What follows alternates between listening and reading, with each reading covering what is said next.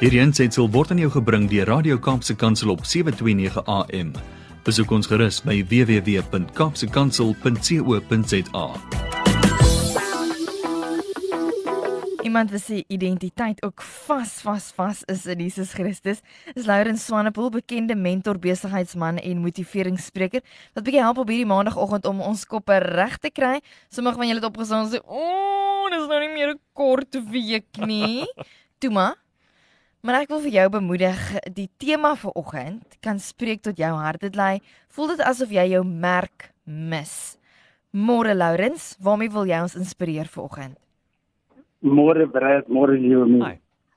Verseker, baie van ons voel ons pas nie meer in nie. Baie van ons voel ons is geroep tot iets groters, meer impakvol, die geleentheid om meer waarde toe te voeg, 'n groter verskil te maak. Maar baie van ons gaan daagliks net deur die gewone standaard dra.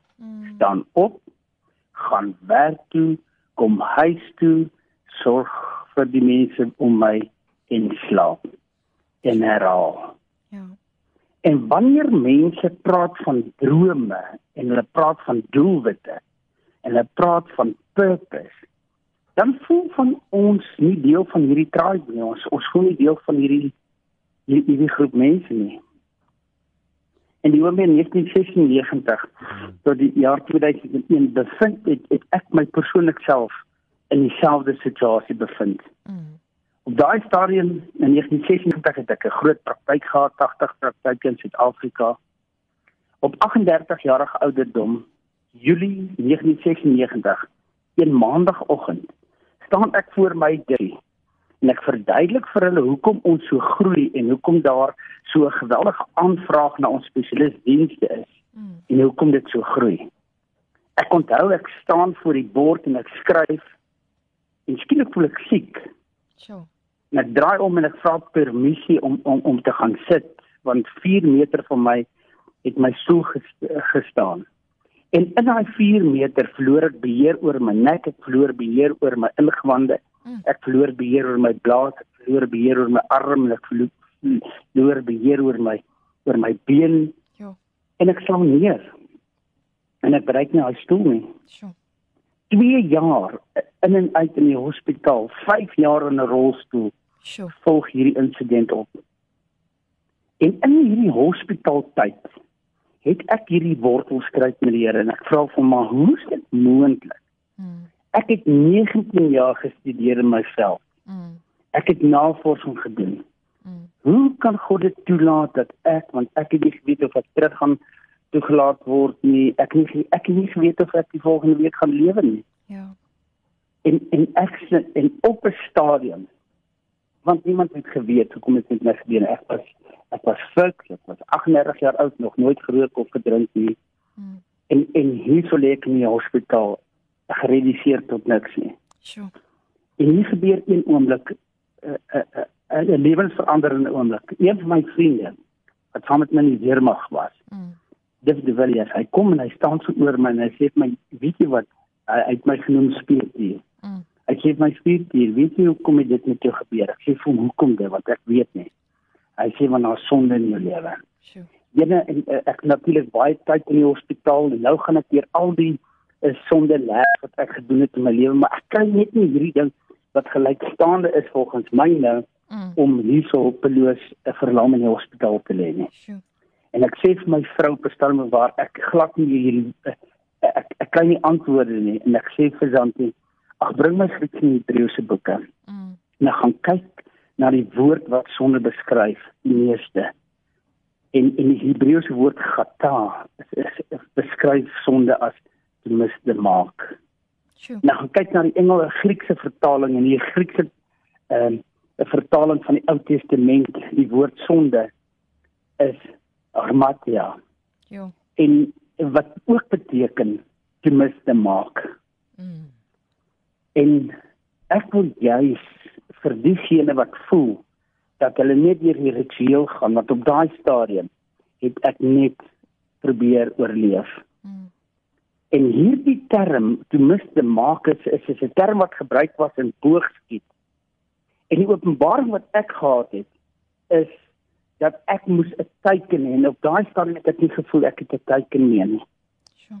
Om 'n boogskutter te wees, moet jy die intensie hê om na 'n teken te skiet. En ek wil viroggend juis hierdie woord in ons midde laat, die woord intensie. Mm. Want ek is oortuig daarvan dat hierdie mense wat voel dat ek staan op te gaan werk kom terug en ek slaap, het nie meer die intensie om een of ander doel of purpose na te streef nie. Mm. En ek vra vir die Here om dit oop te maak vir my in 'n lang ge gesprek en en en baie dae wat ek wakker lê en hier kom dit eh, eh, in baie duidelik in partnership with God building his kingdom through enterprise. Mm. Ek was verras. Mm. Want ek is 'n spesialis in myself.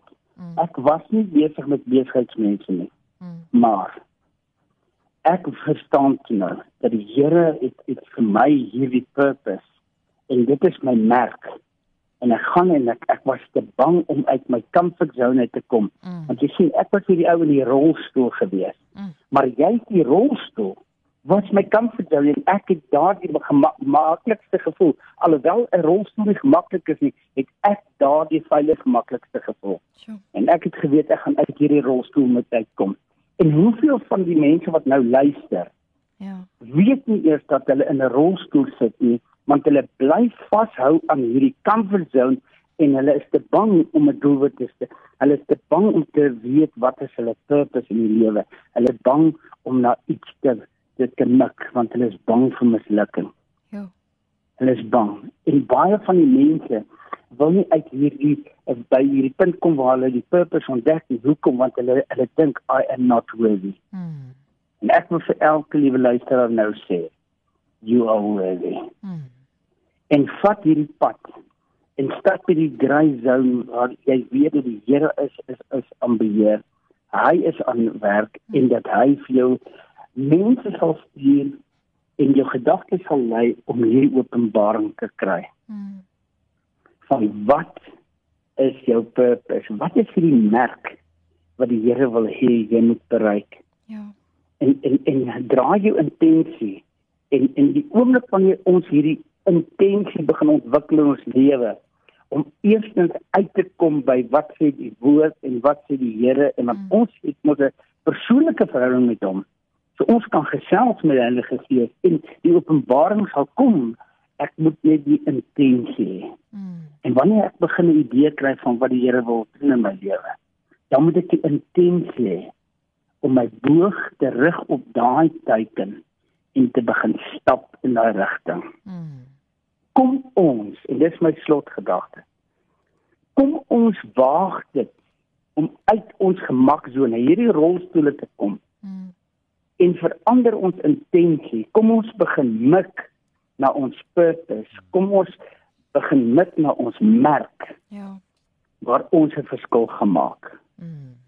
Want ek het in die lewe wat jy daar kry, in die vervulling, mm. en die joy wat jy kry, ek het nooit gedink ek sou met besigheidsmense werk nie. Mm. Want ek glad nie entrepreneurial spirit gehad op daai stadium nie. Mm. Maar nou staan ek in partnership with God mm. building his kingdom through enterprise. Mm. Waarmee staan jy in partnership with God? Mm. Verander jou intensie. Amen. So goed, so sterk, wat 'n groot getuienis waarmee Laurens ons vanoggend inspireer op hierdie maandagooggend. Ek dink nie, ek dink daar's soveel wortels wat uitskiet uit dit wat jy vanoggend sê en wat in mense se gedagtes geplant word. So dankie Laurens dat jy ons net weer herinner aan daai getuienis van jou en hoe die Here totaal kom vernuwe en restoreer en genees het en nuwe lewe wat steeds uit jou spruit elke dag. Lourens baie dankie. Geseënde week vir jou. Ek wil luisteraars aanmoedig. Hierdie gesprek en onderhoud is later beskikbaar as 'n potgooi op ons webtuiste. So maak seker jy laai hom af en jy stuur dit aan vir iemand wat dit vandag moet hoor. Dankie Lourens, mooiste dag vir jou. Dankie Brad, baba liewe my. Hierdie ensitsel is aan jou gebring deur Radio Kaapse Kansel op 729 AM. Besoek ons gerus op www.kaapsekansel.co.za.